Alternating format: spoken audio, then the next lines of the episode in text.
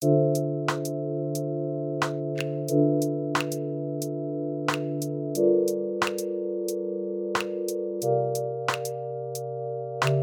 datang para anak rantau di Media Ministry AF Manila.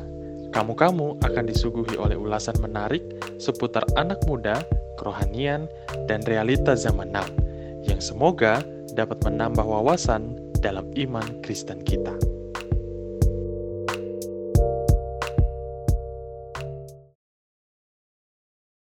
Halo para anak rantau di mana pun kalian berada, bertemu lagi dengan kami, AF Podcast yang senang sekali pada kesempatan kali ini bisa kembali memberikan satu episode yang menarik di podcast kita. Dan ini diharapkan menjadi satu series karena uh, seri tentang gaya hidup anak muda. Oke, okay? jadi hari yang pertama atau uh, bagian pertama ini kita akan membahas tentang makanan sehat untuk orang muda. Oleh sebab itu kita udah uh, dikasih privilege bahkan juga berkat dengan kehadiran Willy Yonas, Bro Willy. Shalom, selamat ketemu nih sama Bro Willy. Apa kabar? Thank you, thank you. Baik, baik. Kabar baik. David gimana? Kabar baik ya. Baik-baik juga. Apa kesibukan kali ini? Masih kerja di rumah sakit. Uh, hmm. Kerja part time, cuma dua kali seminggu, tapi sisanya di rumah. Sisanya di rumah ya, karena juga pandemi dan aktivitas bisa dikerjain di rumah juga ya. Betul. Oke, jadi Bro Willy Yonas ini kalau yang belum tahu, tapi kayaknya udah banyak yang tahu deh. Udah terkenal juga nih kayaknya Bro Willy. Belum lah. founder Sehat Seutuhnya. Dan kalau uh, anak rantau mau cek atau para pendengar sekalian bisa di IG atau Instagram Peseutuhnya. Pesetuhnya ya. Itu uh, podcastnya. Oh itu podcastnya. Kalau IG-nya? Setuhnya, nggak pakai P. Set Setuhnya ya, nggak pakai P. Oke, jadi udah ada podcastnya, udah mantep banget nih. Dan juga uh, Instagramnya, account Instagramnya Setuhnya. Iya. Ya. Ah, Bisa dipantengin di sana dan juga kita bisa uh, dengerin dari diskusi ini. Dan udah ada dua narasumber yang sehat dan bugar juga. Yang bersama dengan kita ada Pastor Yohanes Sinaga dan Saudara Stephen Siegel. Apa kabar? Shalom Pastor. Hai, hai. Shalom. Sehat ya, benar ya? Walafiat. Walafiat. Alhamdulillah. Oke. Okay. Jadi kita mau bahas-bahas tentang topik khususnya tentang makanan sehat nih ya. Jadi uh, makanan ini kayak uh, penting banget dan memang kita mungkin tidak terlalu bersinggungan dengan uh, hal-hal Alkitabiah atau teologi.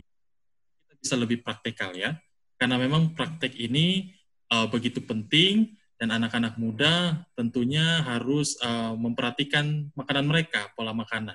Karena kelihatannya ya, tidak hanya untuk anak rantau, karena kebanyakan mungkin dari kita di AF Manila uh, tinggal di luar negeri, tapi juga bagi mereka yang ngekos.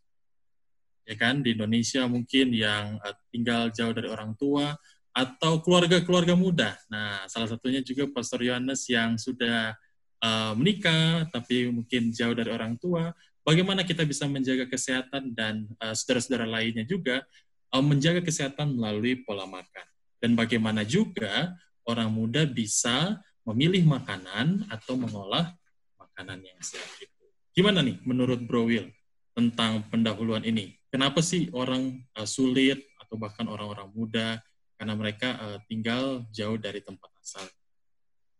Mungkin uh, pas saya juga merantau waktu itu hmm, 4 tahun. Uh, mungkin kayak fokus kita tuh benar-benar kayak untuk menimba ilmu gitu ya. Jadi kayak ya udah pokoknya fokusnya itu ke pelajaran, beresin kelas, dapat nilai bagus, GPA-nya bagus. Tapi kadang makanan itu jadi nggak prioritas yang kita pikirkan dan rencanakan dengan baik gitu. Itu yang aku lihat sih. Jadi emang kesibukan juga ya, yang bikin kayak, aduh, kayaknya ini susah ngatur waktunya, untuk cari makanan dan mengolah makanan sehat ya. Benar. Jadi orang kalau yang aku perhatiin sih murid-murid kayak mungkin lebih takut untuk dapat nilai C dibandingin lebih lebih nggak worry kalau misalnya makannya seadanya lah gitu. Benar, benar. Kayaknya makan bisa uh, diatur nanti deh ya. Iya, asal asal kenyang, apa pun yang ada di grab aja, makan, hmm. tapi bisa belajar gitu. Wah, ini seru nih kayaknya. Gimana nih menurut Pastor John? Karena mungkin uh, Bro Willy atau saya yang bersekolah di S1 atau S2, kita punya pengalaman ini. Tapi tidak hanya S1 S2 loh. Pastor Yohanes juga sebagai student S3 nih. Gimana pengalaman Pastor nih? Kenapa sih orang-orang muda sering kali sulit ya untuk makanan bahkan mengolah makanan yang sehat? Ya secara teknis sih, gue nggak pernah sih kayak merantau uh, baru harus masak sendiri gitu. Um, karena waktu selama sama sama gue kuliah itu rata-rata selalu tinggal sama orang tua. Terus hmm. yang pas orang tua gue pindah ke Jakarta, ke Bandung, si Jack yang masak. Jadi emang abang ya? iya. Jadi si Jack yang masak itu kalau soal si Jack masak itu dia emang kayak niat banget sih selalu hmm. uh, sayurannya itu selalu berwarna. Hmm. Jadi nggak nggak nggak satu jenis aja tapi ada kayak jagungnya apalah pokoknya benar-benar ideal. Terus dia juga suka coba-coba menu-menu baru kayak coba buat uh, stick keju terus um, apalagi ya pokoknya banyak deh dia untuk kreasi-kreasi makanan gitu. Jadi kalau untuk makanan gue nggak pernah worry. Yang pernah gue rasain dulu makan yang masak tinggal sendiri ya waktu jadi pendeta di Medan. Itu pun hmm. rata-rata hmm. kalau udah eh, nggak uh, ada makanan ya paling selalu aja ada kayak melawat. oh iya benar benar benar itu strategi yang ampuh itu. Tapi kalau bisa sih, kalau gue sih dulu waktu waktu gue masih tinggal di Medan pagi-pagi gue hanya makan energen. Terus siang kalau nggak melawat nasi padang. Terus Betul. malam melawat udah. Nasi Padang kan paling gue hanya makan nasi, sayur, sama telur. Kalau nggak hmm. perkedel, hanya tujuh ribu. Jadi technically, um, well, gue nggak tahu sih definisi itu sehat atau enggak. Ya technically gue tahu sih itu banyak bumbu. Tapi, Tapi kenyang itu, ya? Uh, kenyang sih, emang enak lagi nasi Padang. Jadi itu hmm. sih biasanya kalau gue secara pribadi ya. Betul betul. Thank you Pastor. Gimana nih, uh, saudara Sigels? Pengalamannya bisa di-sharing, apalagi di Bulakan kan? Bulakan ini uh, daerah yang mungkin berbeda dengan Manila nih. Jadi khusus unik. Gimana, saudara? Okay. Makasih. Pengalamannya um, nih kira-kira. Sir David. Kalau mungkin belajar untuk mengolah makanan sendiri atau belajar untuk masak-masak sendiri baru-baru ini ya setelah tinggal di Filipina ini kebetulan. Tapi sebelumnya kalau saya banding sama pengalaman yang dulu, ya sekarang juga masih sering sih bolong-bolong gitu karena saya masih baru belajar ya untuk uh, mengolah makanan dan juga tentang pola makanan sehat ini gitu kalau dulu kebetulan saya pernah tinggal di luar juga uh, di, di Korea kebetulan kayak fast pace gitu jadi pekerja kalau mungkin realita hidupnya ya untuk orang-orang bekerja kita selalu jadi sebuah dalih nggak punya banyak waktu untuk masak uh, saya harus kerja terus malam pulang kantor saya udah harus istirahat sampai rumah udah capek gitu kan ya. Jadi mungkin salah satu alasan kayak makanan yang apalagi untuk untuk anak rantau ya yang bekerja atau yang kuliah makanan yang sehat nah, makanan sehat bukan makanan yang bikin kenyang murah dan praktis itu jadi langkah tercepat atau pilihan ter, ter, terbaik yang bisa kita konsumsi langsung gitu kan ya. Dan saya akuin kayak ramyeon gitu-gitu bibimbap yang kayak instan udah langsung jadi beli itu kayak lebih simple kayak saya cuma perlu perlu pergi ke Seven Eleven gitu beli terus tinggal masukin oven beres ya jadi gitu saya nggak tahu kalau Bro Willy dulu mungkin kalau Western food kayaknya Western food style itu makanan ala-ala barat kayaknya mungkin banyak juga yang instan ya seperti itu. Cuman kalau saya sih ngalamin uh, karena lingkungan saya seperti itu kebetulan orang-orang bekerja juga jadi kita nggak punya banyak waktu untuk untuk mengolah masakan atau makanan um, sendiri begitu mungkin ya Pastor Dewi. Jadi saya rasa pelajaran di seri kali ini atau sharing kita kali ini tuh kayak kayak penting sih buat kita yang yang merantau atau orang-orang muda yang mungkin tinggal jauh kos atau jauh dari orang tua yang nggak ada dimasakin setiap hari.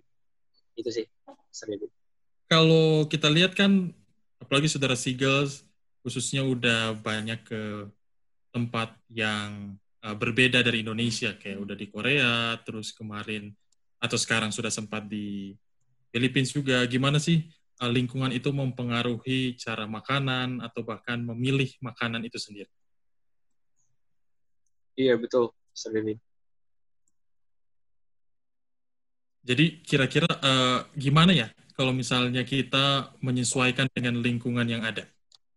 Apalagi di tengah uh, budaya yang berbeda ya. Menurut uh, saudara Sigels dari pengalaman yang ada, susah nggak sih menentukan makanan? Oke, jadi kalau menurut saya ya pribadi sedikit um, pertanyaannya cukup cukup rumit.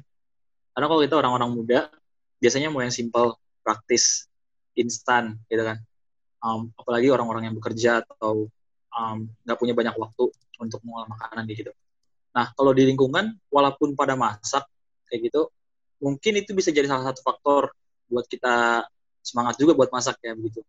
Tapi kalau kita lihat lingkungannya udah um, fast pace gitu kayak semua kerjanya mau cepet-cepet cepet pasti kita hmm. bakal memilih yang lebih praktis tentunya. Dan pada saat itu kebetulan saya belum ada keinginan atau bukan ada keinginan juga ya kayak knowledge untuk masak juga. Ya memang saya nggak bisa masak sebetulnya. Jadi kayak ya itu udah udah memperburuk bukan memperburuk keadaan juga ya. Itu menambah menambah ya ambil jalan pintas itu untuk instan beli itu lebih lebih mudah kayak menurut saya. Mungkin gitu kali mas Oke oke. Jadi memang uh, tantangan juga ya. Tantangan yang uh, harus tetap dihadapi setiap harinya ya. Sekarang saudara Sigas lagi bekerja juga ya di Filipina? Iya, kebetulan saya bekerja sekarang ya. Dan sekarang um, ya itu dia. Hal pertama mungkin lingkungan mendukung juga. Karena kebetulan WFH juga apalagi ya sekarang. Itu yang lebih hmm. banyak di rumah pasti masak dan coba-coba um, hal baru. Dan kuncinya mungkin um, kalau untuk saya yang baru belajar ini ya kayak lebih banyak baca dan lebih banyak uh, cari tahu sih mungkin itu yang beda karena alasan kenapa kita nggak mau masak juga karena kita nggak tahu masak. Gitu kan simpelnya. Jadi kita nggak tahu hmm. caranya masak kita nggak tahu menu-menu atau bahan-bahan yang praktis. Jadi pikiran kita kayak masak itu ribet masak itu nggak hmm. simpel nggak praktis gitu. Jadi ya jangan ya nggak usah masak kayak gitu mungkin itu kali ya hmm. salah satu jadi faktor jadi emang sih bro lebih, lebih enak lebih enak um, dimasakin kan daripada masak sendiri. Ah, iya. ah. betul, betul, betul, betul. Jadi betul. menarik nih. Jadi memang masak itu uh, takes longer time ya. Bahkan mengolah makanan itu lebih cepat dari kita makan sendiri. Mm -mm. Bisa lima menit. Tapi kalau masaknya bisa satu jam atau bisa lebih. Ya, Apalagi itu. kalau masih newbie kan bro. Kayak gue potong bawang aja gue 20 menit. Oh, Pastor John masih newbie ya untuk cara memasak ya? Masih. iya, aku juga belum terlalu ini. Gimana Bro Will? Kayaknya kuncinya ini pada harus dapat pasangan hidup yang jago masak nih kayaknya. Ah, memang Pastor John udah duluan nih. Udah Itu bisa jadi solusi juga ya, solusi. Steven kan lagi nyusul kan cari yang jago masak nih Steven. Lol. Iya, yeah, Pastor hunting ya. Nah ini nih, kadang-kadang kalau anak muda kan rasanya, aduh males, aduh cuek aja lah ngapain sih prioritas kita kan bukan makanan gitu ya, tapi kerja, kuliah, aktivitas yang lain juga. Karena selera uh, harus disesuaikan juga, lebih, lebih mending kita jajan aja. Nah ini gimana nih uh, Bro Will, dari pengalaman atau dari pengamatan sebagai salah satu praktisi kesehatan juga, menurutmu gimana? Jadi sebenarnya kalau aku sih karena emang aku di bidang kesehatan dan emang aware aware banget sama kesehatan ini, aku sih menjadikan prioritas eh, kesehatan itu sebagai prioritas di dalam hidup gitu. Jadi kalau emang aku tahu masak itu yang paling sehat dan aku tahu kan apa yang aku taruh di makanan itu, aku bakal make time gitu buat masak itu. Jadi kayak aku tuh nggak menyerahkan kesehatan aku tergantung sama makanan di restoran misalnya atau makanan yang instan. Karena kalau misalnya prinsip-prinsip anak muda juga banyak gitu kan. Kayak YOLO, misalnya you only live once kalau menurut aku karena kita cuma hidup sekali kita tuh harus make the best out of it gitu kalau misalnya kita hmm. sakit-sakitan di pas lagi muda dan nanti pas umur 30-an misalnya 40-an udah sakit kita justru malah nggak make the best out of our life gitu itu menurut aku sih jadi paradigm shift ya kayak kita ini mencoba untuk mengubah pola pikir kita gitu ya iya betul karena mungkin kita pikir oh prioritas bukan kesehatan kita, tapi pekerjaan dan juga pendidikan. Hanya kalau misalnya kita tetap dalam paradigma seperti itu, paradigma seperti itu, mungkin nanti akan ada waktunya kita jatuh sakit atau sampai kena hal-hal yang tidak diinginkan. Apalagi sekarang zaman COVID ya, hmm. zaman yang mulai semakin mewabah. Pastor John gimana nih kira-kira? What do you think? In a way, dibilang sama si Willy benar sih. Kalau kita masak sendiri itu kita bisa tahu apa yang kita masukin ke makanan kita. Ya kan, Willy kan? Betul, kalau betul. kita beli di luar itu nggak tahu ya kalau orang-orang di Filipina itu kita kan nggak tahu kan bahan-bahan apa aja yang ada di Mang Inasal, yang ada di hmm. uh, KFC, produk atau ternama di, tuh di McDo. Eh nggak boleh sebut brand ya? Ups. Okay. Gak apa-apa. Nanti kita sebut di, gitu kan. Kita nggak di endorse. Iya. Jadi sebut um, Indomie juga nggak apa-apa nanti ya. Iya. Kita nggak hmm. tahu kan. Jadi memang untuk gimana ya? Untuk kesehatan sendiri ada baiknya sih untuk masak sendiri. Kayak kembaran gue itu kayak selama gue tinggal sama dia kami jarang banget tau beli makan di luar jarang banget paling hanya kalau special occasion dia selalu masak rutin biarpun masaknya eh, enak sih masakannya gue nggak ngeluh gue nggak ngeluh ya enak masakannya memang enak enak masakannya tapi itulah komitmen dia hmm. untuk masak kayak kata dia kan wih kalau kalau misalnya kalau dia beli kan um, beli makanan kayak tiga ratus peso dia kalau dia langsung ngitung itu biasanya kalau tiga ratus peso itu udah, udah bisa berapa kali makan hmm. Hmm, jadi itu Jadi memang Bang Jack ya, karena dia juga profesinya mungkin public health. Iya. Dia, memang karena dia kan emang dilatih untuk masak kan. Kalau gua dilatih untuk Jadi sesuai pelatihan ya, Pastor ya? iya. Mana ada ternyata dilatih untuk masak. Dan kan jangan mengherankan juga.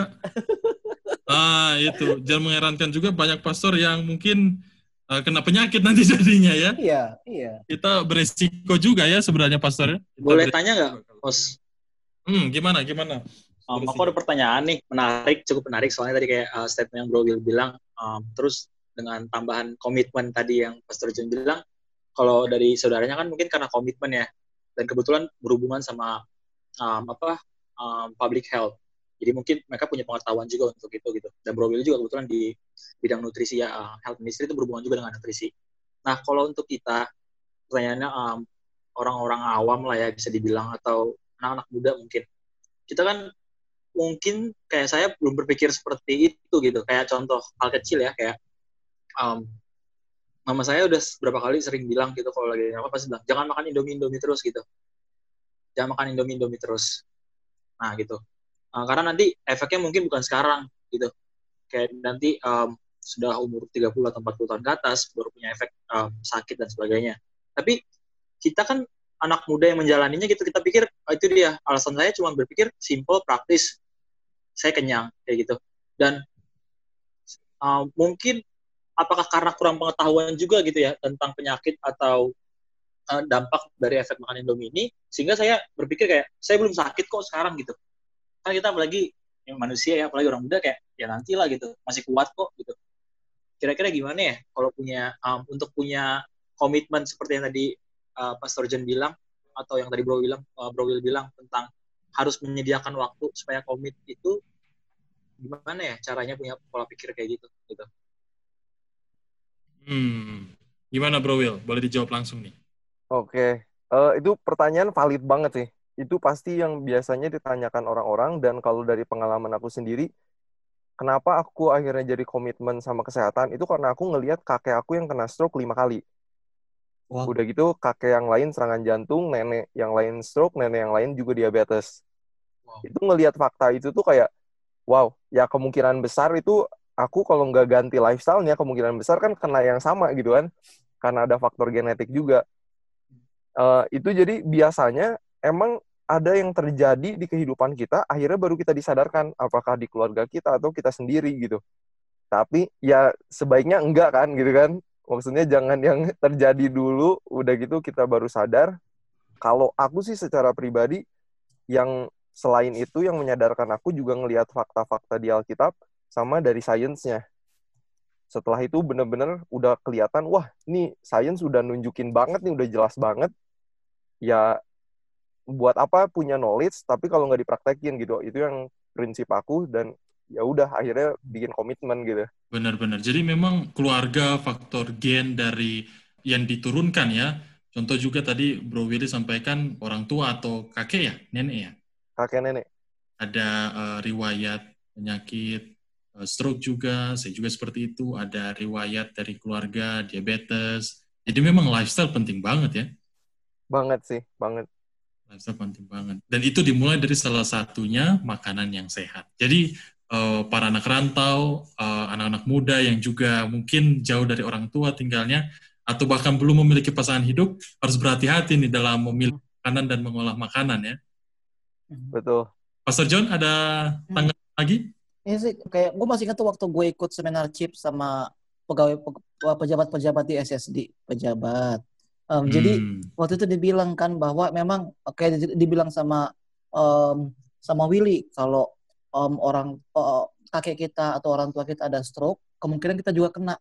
Tapi ini hmm. tapi kalau yang dibilang di chip itu itu bukan karena penyakit itu menurun katanya dia, tapi pola hidupnya itu menurun. Jadi um, gue juga mau, mau share apa yang gue, gue pelajarin bahwa pola hidup pola hidup pola hidup itu menular loh. Apalagi makanya the pola hidup itu menular terus kata kembaran gue juga obesitas itu juga menular. Hmm. Jadi kalau orang hidup dalam satu lingkungan di mana banyak orang orang yang obesitas, dia itu akan menganggap bahwa itu normal. Jadi, jadi memang kita harus memulai ya dari kita ya, sendiri juga ya. Jadi kayak kayak kayak sekarang kan gue kan selama lockdown gue, gue kan naikkan berat gue kan kayak gue naik 3 kilo atau berapa kilo gitu. Oh, naik pastor. Naik. Badannya. Naik ototnya bang. masa otot atau masa lemak ini? otot perut yang naik, otot perut. Jadi emang katanya sih eh, res, uh, yang um, pola hidup itu memang memang menular. Jadi um, dan itu memang contohnya kalau kalau kalau di gereja itu lihat deh kalau di gereja itu satu ada yang gemuk, pasti ada juga yang gemuk. Iya ya, itu begitu sih. mempengaruhi ya. Jadi oh, tadi pastor tadi sempat mention ya, pastor sempat mention complete health improvement program ya, CHIP itu ya. Hmm. Jadi salah satu program dari gereja kita juga yang sebenarnya diadopsi dari uh, program luar juga ya. Orang luar yang mana dulu yang adopsi nih? Bro Will mungkin lebih mengetahui tentang program ini juga. Kalau chip sih itu originalnya dari namanya Hans Deal. Hans dia Deal dari ya? dari Loma hmm. Linda, uh, dia Advent. Udah dari 1980-an deh programnya sebenarnya. Hmm, cukup lama juga. Dan yang lama. buat aku menarik ini programnya emang udah dijalanin ya hampir 30 tahun berarti ya. Dan emang hasilnya keren banget sih. Kayak kalau kita benar-benar terapin deh cobain pola makan, pola hidup sehat ya, olahraganya juga kena sinar matahari gitu selama 10 minggu dan emang improvementnya tuh banyak banget. Dan biasanya kalau orang udah lihat improvement, misalnya oh kolesterolnya turun, gula darahnya turun, akhirnya mereka jadi mau continue the healthy lifestyle gitu karena mereka udah ngerasain dan ngeliat juga dari blood work mereka gitu. Hmm. Betul betul. Jadi wah ini penting banget sebenarnya kita sebagai orang Advent anak-anak muda jangan sampai ketinggalan nih untuk uh, menerapkan pola hidup sehat karena nanti hasilnya dipanen ketika sudah berlanj beranjur tua ya sudah semakin tua semakin uh, banyak risiko penyakitnya juga. Kita mau coba praktikal lagi nih. Tadi setelah setelah kita sudah sharing pengalaman, bagaimana mengatasi rasa malas atau cuek tentang uh, memilih dan mengolah makanan sehat, dan juga pengalaman-pengalaman yang udah di-sharing, kita gimana sih uh, coba praktikal caranya untuk kita memilih dan memasak yang baik. Jadi memilih makanan tuh kayak apa? Apa memang harus selalu ke pasar? Apa harus uh, capek-capek kita membeli makanan yang sehat? Atau bagaimana? Ada tips dan trik yang mungkin bisa di-sharing nih, khususnya oleh Bro Willy juga. Gimana nih, Bro Will, atas uh, cara praktisnya? Oke, cara praktisnya nomor satu sih, uh, kalau kita lagi belanja, pastikan mayoritas yang kita beli itu yang makanan yang natural, senatural mungkin. Hmm. Kalau bisa yang nggak dibungkus-bungkus, yang ingredients-nya tuh nama-namanya yang susah juga di-pronounce-nya gitu. Contohnya nih, contohnya apa ya? Kalau ba banyak banget sih nama-nama kimia yang oh, ya okay. ada kimia-kimia yang ditambahin ke makanan yang dipronounce-nya juga susah gitu. Dan kalau bisa itu makanan yang dihindari hindari jadi bener-bener yang natural, kayak yang fresh sebisa mungkin. Kalau kita fokusnya udah sama makanan yang sehat duluan, hmm. paling enggak jadi yang makanan yang kurang sehatnya itu nggak terlalu banyak gitu. Itu mungkin tips nomor satu sih. Oke, jadi memang kita hindari yang bungkus-bungkus ya, yang instan bisa dibilang ya. Iya. Ya, oh sama satu lagi, tipsnya yang praktikal banget sih, jangan uh, ke supermarket, ke pasar kalau lagi lapar. Oh, oke. Okay. Salah, salah besar menarik. sih. menarik tipsnya. Soalnya kalau kita lagi lapar, wah kita lihat, wah apa pun kayaknya dibeli deh gitu. Lebih dari yang direncanakan biasanya. Jadi kayak lapar mata jadinya ya, bukan lapar yang seharusnya ya. Betul, betul. Bener banget sih. Oh oke, okay. jadi para anak rantau nih ada satu tips yang menarik, jangan sampai kita jalan-jalan kalau sedang lapar, oke? Okay? Karena kalau lapar nanti bisa-bisa kita jadi berlebihan ya. Iya betul. Betul ya. Pastor John gimana nih menurutmu? Tapi benar sih tadi dibilang sama Billy, gue setuju banget jangan ke pasar kalau uh, lagi lapar. Atau tapi masalahnya di Indonesia itu gimana ya? Hmm, khususnya di Indonesia lu nih. Usah, lu gak usah ke pasar aja, lu keluar gang aja itu udah banyak banget. nasi goreng. Ya. Nasi padang ya, nasi padang. nasi padang. Waktu gue di Filipina itu gue jarang banget tergoda untuk jajan. Jarang lah, hmm. jarang. Jarang banget gue. Setelah di Indonesia? Kenapa? Karena karena kan di sana kan dikit di sana kan nggak ada mie tek tek, nggak ada nasi goreng yang ah. keliling gitu.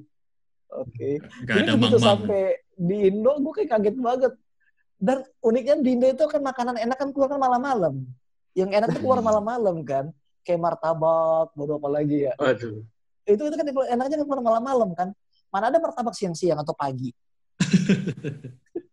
Sedangkan martabak itu kan kalau itu kan bahaya banget sebenarnya untuk kesehatan kan. Aduh martabak. Jadi um, kayak kayak kalau kalau waktu gue uh, waktu kami waktu gue masih sendiri di sini kan jadi istriku kan sempat di Semarang dulu kan sebu sebulan kan um, hmm.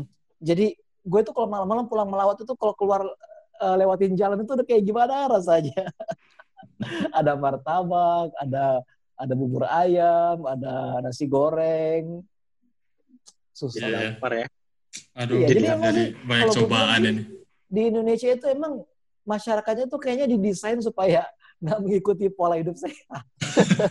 Kalau gue mau jujur ya, bener nggak Billy? Iya. Itu itu menarik sih, karena hmm. emang uh, ya pedagang kaki lima ini unik banget sih ke Indonesia gitu. Jadi hmm. availabilitas hmm. dari seseorang untuk beli makanan itu gampangnya gampang banget. Hmm. Kayak bukan kita yang harus nyamperin makanan, mereka yang nyamperin kita gitu. Benar, benar. Malah manggil-manggil, bro. kan nasi goreng, tek tek tek tek, putu bunyinya khusus, nggak ada tuh hmm. di negara lain ya. Jadi iya. Jadi gimana nih menurut Bro Will uh, kita mengatasi temptation, cobaan, tantangan ini gitu ya. Kadang kalau di Filipina tadi contohnya Pastor John lebih kuat. Tapi bagaimana di Indonesia, anak-anak kos contohnya, ya mungkin tidak dengan orang tua lebih gampang gitu kan, Jack? Apalagi benar, sekarang kan lagi ngabuburit kan, jadi di depan di depan gang gue itu udah, udah banyak banget tuh makanan, ada es dawet, baru pokoknya banyak banget deh. Baik banget tangan.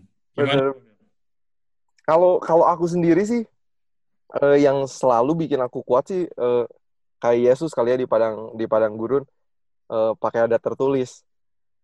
Jadi kalau hmm. aku pikir emang itu sebenarnya kekuatan kita yang paling utama, karena kan kita nggak bisa ngelakuinnya dengan kekuatan sendiri gitu ya. Kalau kita hmm. lihat dari sisi kekristenan lah ya. Jadi kayaknya kalau itu tukang-tukang udah pada tek tek tek gitu ya, kita kayaknya lebih baik bertelut dan berdoa deh kayaknya. Willy, Willy. Berserah ya. Willy. Tapi kan Yesus dicobanya kan di padang gurun, mana ada tukang mie tek tek di padang gurun. Nah ini gimana nih, Bang oh. atau Saudara Sigels, tanggapannya? Iya. Saya ada justru malah mau pertanyaan nih kayak gitu. Nah kalau mungkin balik lagi ke masalah anak rantau gitu ya. Tadi kan uh, mungkin bahas kalau di Indonesia banyak gitu. Kalau kita kan yang di luar, uh, maksudnya di luar Indonesia, anak rantau ini paling kayak cuma homesick doang lihat, karena susah kan mau beli. Kalau dulu pas di Korea saya inget susah banget. Eh, kalau di sini Filipina masih agak mendingan karena pas di Korea dulu itu porsinya bisa sampai 150 ribu cuma nasi goreng biasa kayak gitu jadi kayak emang susah malah makan makanan Indonesia malah susah jadi cuma kayak homesick homesick aja cuma kayak kangen aja paling bikin sendiri nah tapi kalau um, saya mau tanya tips gini sih um, bagaimana kalau misalnya buat kita um, apa ya lebih ke arah um, tips and triknya aja mungkin kalau Bro Willy ada di Amerika kan dulu mungkin mahal juga ya untuk bahan-bahan makanan karena kan kita um, dibanding Indonesia mungkin untuk bahan-bahan lebih mahal kayak gitu. Jadi gimana tips atau trik untuk memilih um, makanan yang atau um, apa ya makanan yang tetap tetap bisa kita afford gitu, tetap tetap bisa kita afford dan tetap sehat. Cara memilihnya gimana? Karena kalau kita lihat um, kayak dulu di, di Korea itu kayak buah-buahan mahal gitu. Kalau di sini mungkin perbandingannya setelah saya observasi gitu, kalau di sini belum terlalu jauh beda, tapi masih tetap lebih tinggi um, daripada Indonesia gitu harganya. Jadi mungkin gimana ya tips and trick untuk memilih um, bahan-bahan makanan atau masakan yang yang simple, tetap sehat dan juga bisa murah kali seperti itu. Silakan Bro Oke, okay, thank you pertanyaannya itu uh, bagus banget sih, penting banget buat anak rantau. Uh, kalau saran aku sih, kalau kadang ya kayak buah juga kan uh, terbilang uh, bisa lebih mahal ya karena yeah. untuk produksi buah kan cukup lama waktunya. Tapi kalau aku pikir uh, kalau misalnya kita niat untuk uh, beli investasi ya di sesuatu yang lebih mahal tapi bagus buat kesehatan, untuk long run sebenarnya bisa dilihat investasinya worth it sih. Dan mungkin fakta yang menarik uh, kayak kenapa kalau di Amerika itu daging bisa lebih murah kayak orang bisa makan McD itu cuma 1 2 dolar itu tuh udah dapat kayak Big Mac, udah dapat kentang goreng, udah dapat uh, Coca-Cola gitu. Hmm. Itu tuh karena pemerintah itu mengsubsidi daging. Tapi kok kayak kenapa pemerintah itu nggak mengsubsidi buah-buahan? Itu yang itu pertanyaan public health sih sebenarnya kayak uh, kebijakan suatu negara kan. Cuman itu satu sih kalau aku pikir investasi yang mungkin kita buat sekarang buat makan buah misalnya kerasa mahal tapi untuk long run sebenarnya bagus banget. Saving uang kita supaya yang nggak habis di rumah sakit gitu kan. Investasi berarti ya mindsetnya. Investasi hmm. mindsetnya. Terus kalau memang, mungkin hmm, silakan. Gimana? Gimana David? Lanjut lanjut dulu bro lanjut dulu bro terus mungkin yang terakhir ini aja sih uh, kalau kita lihat guidelines kalau kayak di Indonesia dulu kan 45 sempurna tuh. Sekarang hmm. kan dibilangnya isi piringku udah diperbarui ya sama pemerintah. Uh, rules yang gampang banget sebenarnya untuk diikutin setengah dari piring kita itu harusnya sayur sama buah. Hmm. Nah, jadi kalau buat anak rantau mungkin itu bisa jadi guidelines juga yang uh, cukup gampang tiap kali kita makan. Lihat dulu piringnya, setengah dari piring kita itu ada sayur sama buah atau enggak. Setengah piring berarti ya? Setengah piring. Setengah ya? piring sayur dan buah. Iya. Jadi, waduh, kalau misalnya nasi padang kan kadang nasinya hampir tiga perempat ya. Lauk, lauknya setengah. Lauknya setengah. Kalau nggak seperempat jadi. Aduh, ini memang betul-betul kita harus perjuangkan ya bagaimana cara kita memilih makanan yang tepat. Dan juga uh, tadi Bro Will sam sempat uh, sampaikan memang ada tips yang bisa kita ambil. Contohnya tadi ada jangan kita uh, jalan kalau kita sedang lapar ya, jangan jalan keluar dan juga mencegah lebih baik daripada mengobati pastinya ya. Tadi bro, daripada kita invest duit ke uh, peralatan medis yang setelah kita sakit ya kan, apalagi sekarang oksigen mungkin atau banyak yang uh, banyak yang mahal di rumah sakit ketika kita sakit. Tapi kita invest duit kita mending di makanan yang sehat ya, bro. Ya. Betul, betul meskipun buah-buah atau mungkin sayur-sayur mahal, tapi kayaknya lebih worth it ya daripada nanti kita spend uang untuk yang uh, sakit. Ada lagi mungkin Bro Will yang mau disampaikan? Paling itu sih. Nanti mungkin teman-teman bisa mencerna dulu. Oh, sorry. Ini uh, baru kepikiran. Menu planning penting sih. Dan menu planning. Menu planning. Jadi kayak kalau kayak di Amerika kan tiap pagi itu orang kayak cukup biasa ya makan hal yang sama atau enggak kayak variasinya tuh enggak terlalu banyak jadi kayak pagi misalnya oh granola pakai misalnya pakai susu atau enggak misalnya uh, roti pakai peanut butter terus buah dan lainnya lainnya dan mereka kayak tiap hari itu kayak ganti-ganti itu aja jadi kita perlu juga tuh punya kayak resep-resep uh, jitu gitu ya kayak resep-resep uh, yang cepet banget kayak aku juga ada resep-resep yang cuma lima menit yang aku lakuin cuma 15 menit jadi nggak usah masak-masak yang kayak 45 menit kayak gitu-gitu loh. Dan itu harus di plan sih. Itu penting banget kuncinya di planning. Plan, di perencanaan ya. Jadi jangan main makan sembarangan gitu ya. Iya. sembarangan. Karena memang nggak kerasa mungkin dari sedikit uh, makanan yang kita ambil, tapi sedikit demi sedikit kemudian jadi bukit dan akhirnya risikonya kita tanggung. Oke, okay. ada lagi yang ingin tambahkan mungkin kita sudah tiba di kesimpulan. Tadi ada tiga nih yang saya catat. Pertama, jangan sampai kita terlalu mudah untuk jalan-jalan kalau kita lagi lapar karena banyak godaan. Oke, itu tadi yang Bro sampaikan dan juga mencegah lebih baik daripada mengobati karena daripada kita spend uang, resources ketika kita sakit lebih baik kita spend untuk invest makanan sehat kita dan juga tentukan perencanaan makanan. Karena ini penting buat anak-anak muda. Sejak dari belia kita harus memulai dari makan makanan. Gimana Bro Ada tambahan lagi? untuk memotivasi sesama anak muda kita, khususnya mereka yang advent atau bahkan yang bukan, untuk kita tetap lebih sehat. Ada Taman lagi? Mungkin encouragement saya uh, untuk ini sih, ajakan teman-teman juga coba ketika baca Alkitab lihat dari sudut pandang kesehatan. Terus sama uh, buat teman-teman kalau yang Advent boleh juga kayak baca buku Ministry of Healing, Councils on Diet and Food.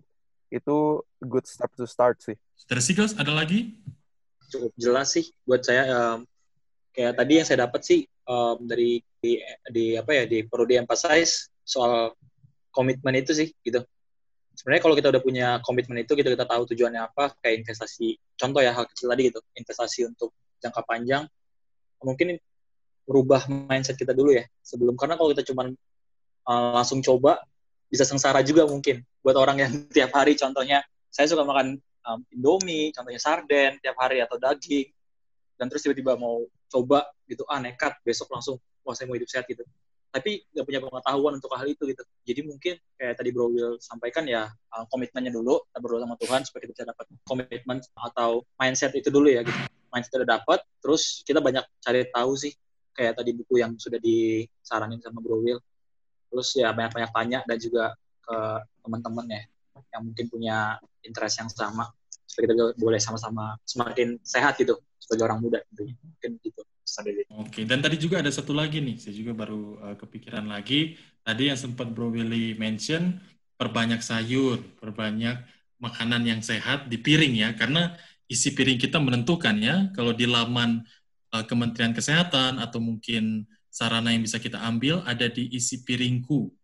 Nah, ini disediakan oleh Kementerian Kesehatan juga Republik Indonesia bahwa kita perlu menyediakan uh, makanan yang proporsional, lauk pauk, hmm. buahan, uh, makanan pokok juga, lalu kemudian sayuran. Jadi jangan semua nasi gitu ya. Juga pauk, semuanya harus proporsional dan seimbang. Oke, okay. Pastor John, ada tanggapan? Uh, hanya mau memperluas aja dari yang dibilang sama sama Willy Willy Yonas tadi. Um, tadi dia bilang kan bahwa kita itu harus punya resep kan, resep-resep yang bisa dipakai. Dan resep-resep itu harus um, beberapa mungkin yang bisa agak, agak kompleks, beberapa memang uh, harus ada yang cepat juga. Uh, jadi yang mau gue coba take note di sini adalah um, healthy living requires intentional planning.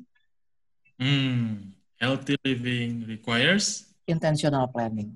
Jadi memang lu kalau lo mau hidup sehat ya lu harus intentional. Dan memang lebih mudah untuk lebih lebih mudah untuk hidup nggak sehat daripada hidup hidup sehat memang. Lu kalau hmm. kalau mau hidup nggak sehat ya nggak perlu planning, nggak perlu rencana kan. Yes, yes. Kayaknya ribet ya kalau rencana, tapi kalau mau iya, memang. rencana. Kayak kayak gue kan gue notice kenapa alasan gue jangan malas olahraga ya karena gue gak ada rencanakan. Dan kadang-kadang begitu direncanakan pun niatnya kurang. So, jadi emang sih dua hal itu harus ada harus ada perencanaan dan juga harus ada keinginan. Wah, menarik, menarik Pastor John. Tentang olahraga bisa jadi kita bahas lagi ya. Mungkin di sesi berikutnya.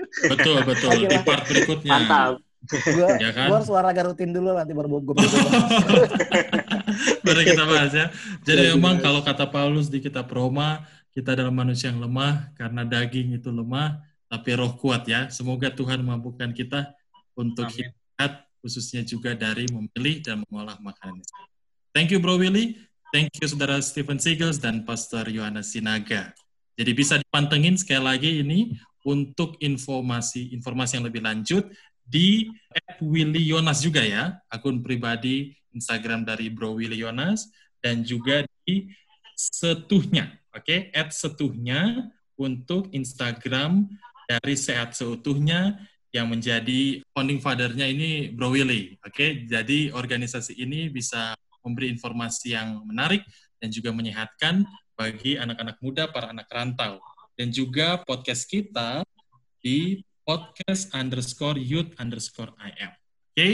nantikan dan stay tune di episode podcast kita selanjutnya. Oke, okay? thank you semuanya. Terima kasih Tuhan memberkati. Anak rantau, Mabuhay. Mabuhay.